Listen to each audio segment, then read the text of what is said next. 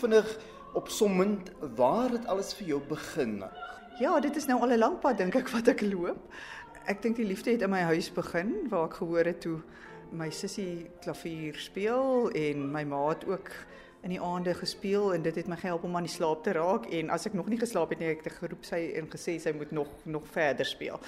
En so sy het gevoel dat dit goed is vir my om klavierles te begin neem. So toe ek so 7 jaar oud was het ek les begin neem.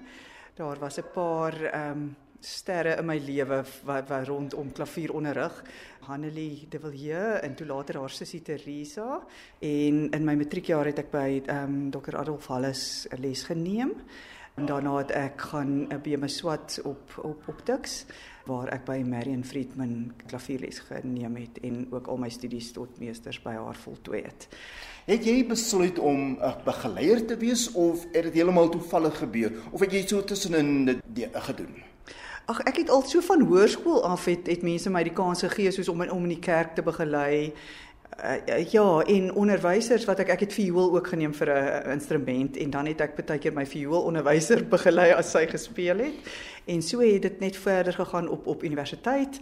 My my kamermaat my eerste jaar, sy was Susan Swanepoel, sy is nou Susan Martens. Ek um, was gelukkig om baie repertoire te geleer het terwyl ek by haar was en en prof Ellen Solomon het het spesifiek gevoel dat ek die die aanvoeling het vir begeleiding. So hy het my eintlik daarin baie gesteun en ek dink vir my die selfvertroue gegee om om daarin voort te gaan. Ja, later het ek net al hoe meer begin kamermusiek speel en begelei en en die aanvraag is altyd groot.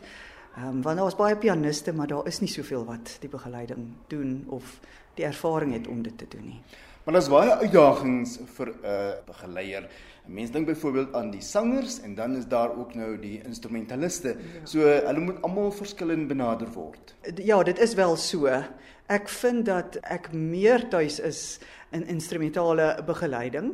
Uh, maar dit is net ek dink omdat dit ek ek dit meer gedoen het. Ek ek, ek geniet ook die sangbegeleiding en hoe meer ervare sangers is hoe makliker is dit om dit te doen want hulle laat die musiek gebeur en jy pas daarbey in. Maar dit is natuurlik 'n kuns om te, te altyd by te wees en te luister na elke plek waar daar tyd gevat word en en asemhaal word Partykeer um, is dit moeilik as 'n mens vinnige ding net moet oefen en dit doen.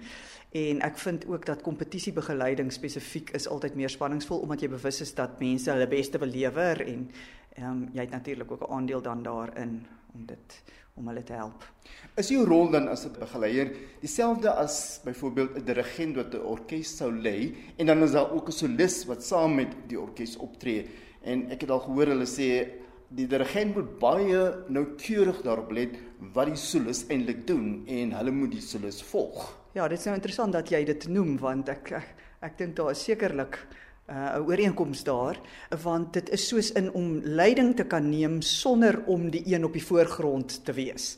So jy moet uh, eintlik baie subtiel heeltyd daar wees en dit is vir my altyd 'n kompliment as as as ouers vir my sê o, hulle kinders sê ek laat hulle rustig voel uh, wanneer ek saam met hulle speel en dit is wat ek wil hê want dit help nie dat jy enige spanning in die situasie inbring nie. Jy ja.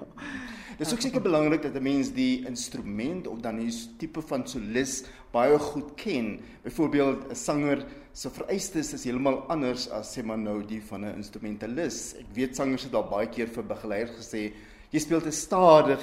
Ek moet ja. te veel werk. ja, nee, en dan dink mens maar so in die stilligheid, maar ek het 'n ander tempo begin en toe trek jy dit stadiger. So, ehm um, ja, nee, dit, dit is so. Uh, ek dink sangers het 'n baie spesifieke temperament en mens Ja, moet maar daarbey aanpas. Partykeer moet mense maar dit sluk wat hulle sê. Dit is ag in in totaal is so 'n uh, sulke optredes gewoonlik 'n fees aan die einde van die dag. Ja. Nou daar's baie verskillende soorte werk waarmee 'n begeleier vir hom of haar mee uh, te doen het. Mense dink byvoorbeeld aan werk wat spesifiek gekomponeer is vir sê nou maar 'n sanger en klavier en dan is daar ook die verwerkings waar jy self jou eie interpretasies moet gee baie keer ja. Sommer self ook moet verwerk. Ja, as ek nou dink aan vanmiddag se konsert, dit is alles arias gewees. So letterlik elke klavierpart wat ek gespeel het was 'n orkestrale 'n reduksie wat iemand gemaak het op die klavier. So gebeur dit dat daar baie keer goed is wat nie baie pianisties oorgeskryf is vir die klavier nie en dan moet mens maar keuses maak of daar note is wat mens maar moet laat gaan um, net om die die essensie van die die stuk te laat klink. 'n Mens het vreeslike vinnige lopies en jy kan dit nie in dubbel derdes vinnig op en af speel en die sangers moet vir jou wag nie. So ja, nee, ons maak maar planne om ja, die musiek op die, op die klavier te laat werk. Uh, hou jy dan van om byvoorbeeld uh, soos 'n Schubert lied of 'n uh, Schumann lied waarvan die begeleiding reeds gekomponeer is oh, ek... en dan moet jy dit nou oefen, maar uh, dit is baie maklik. Die uitdaging is nie so groot nie.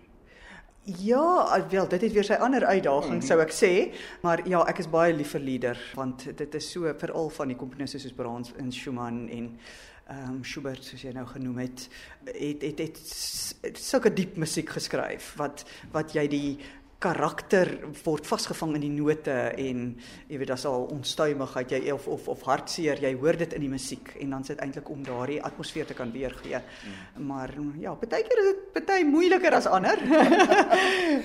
ja. ja. Baie keer sê hulle dit is eintlik 'n duet tussen die begeleier en die solis en nie noodwendig ja. die een is ondergeskik aan die ander een nie. Ja, nee, ek dink jy is heeltemal reg daarmee. En dan ook natuurlik die die repetiteur wat die dansers moet help voordat hulle nou uiteindelik op die verhoog gaan. Ja, nee, dit is weer heeltemal weer iets anders want jy moet verskriklik ritmies presies wees en weet wat se tempos want as jy daar die verkeerde tempos kies dan val die dansers oor hulle voete. Ja. ja.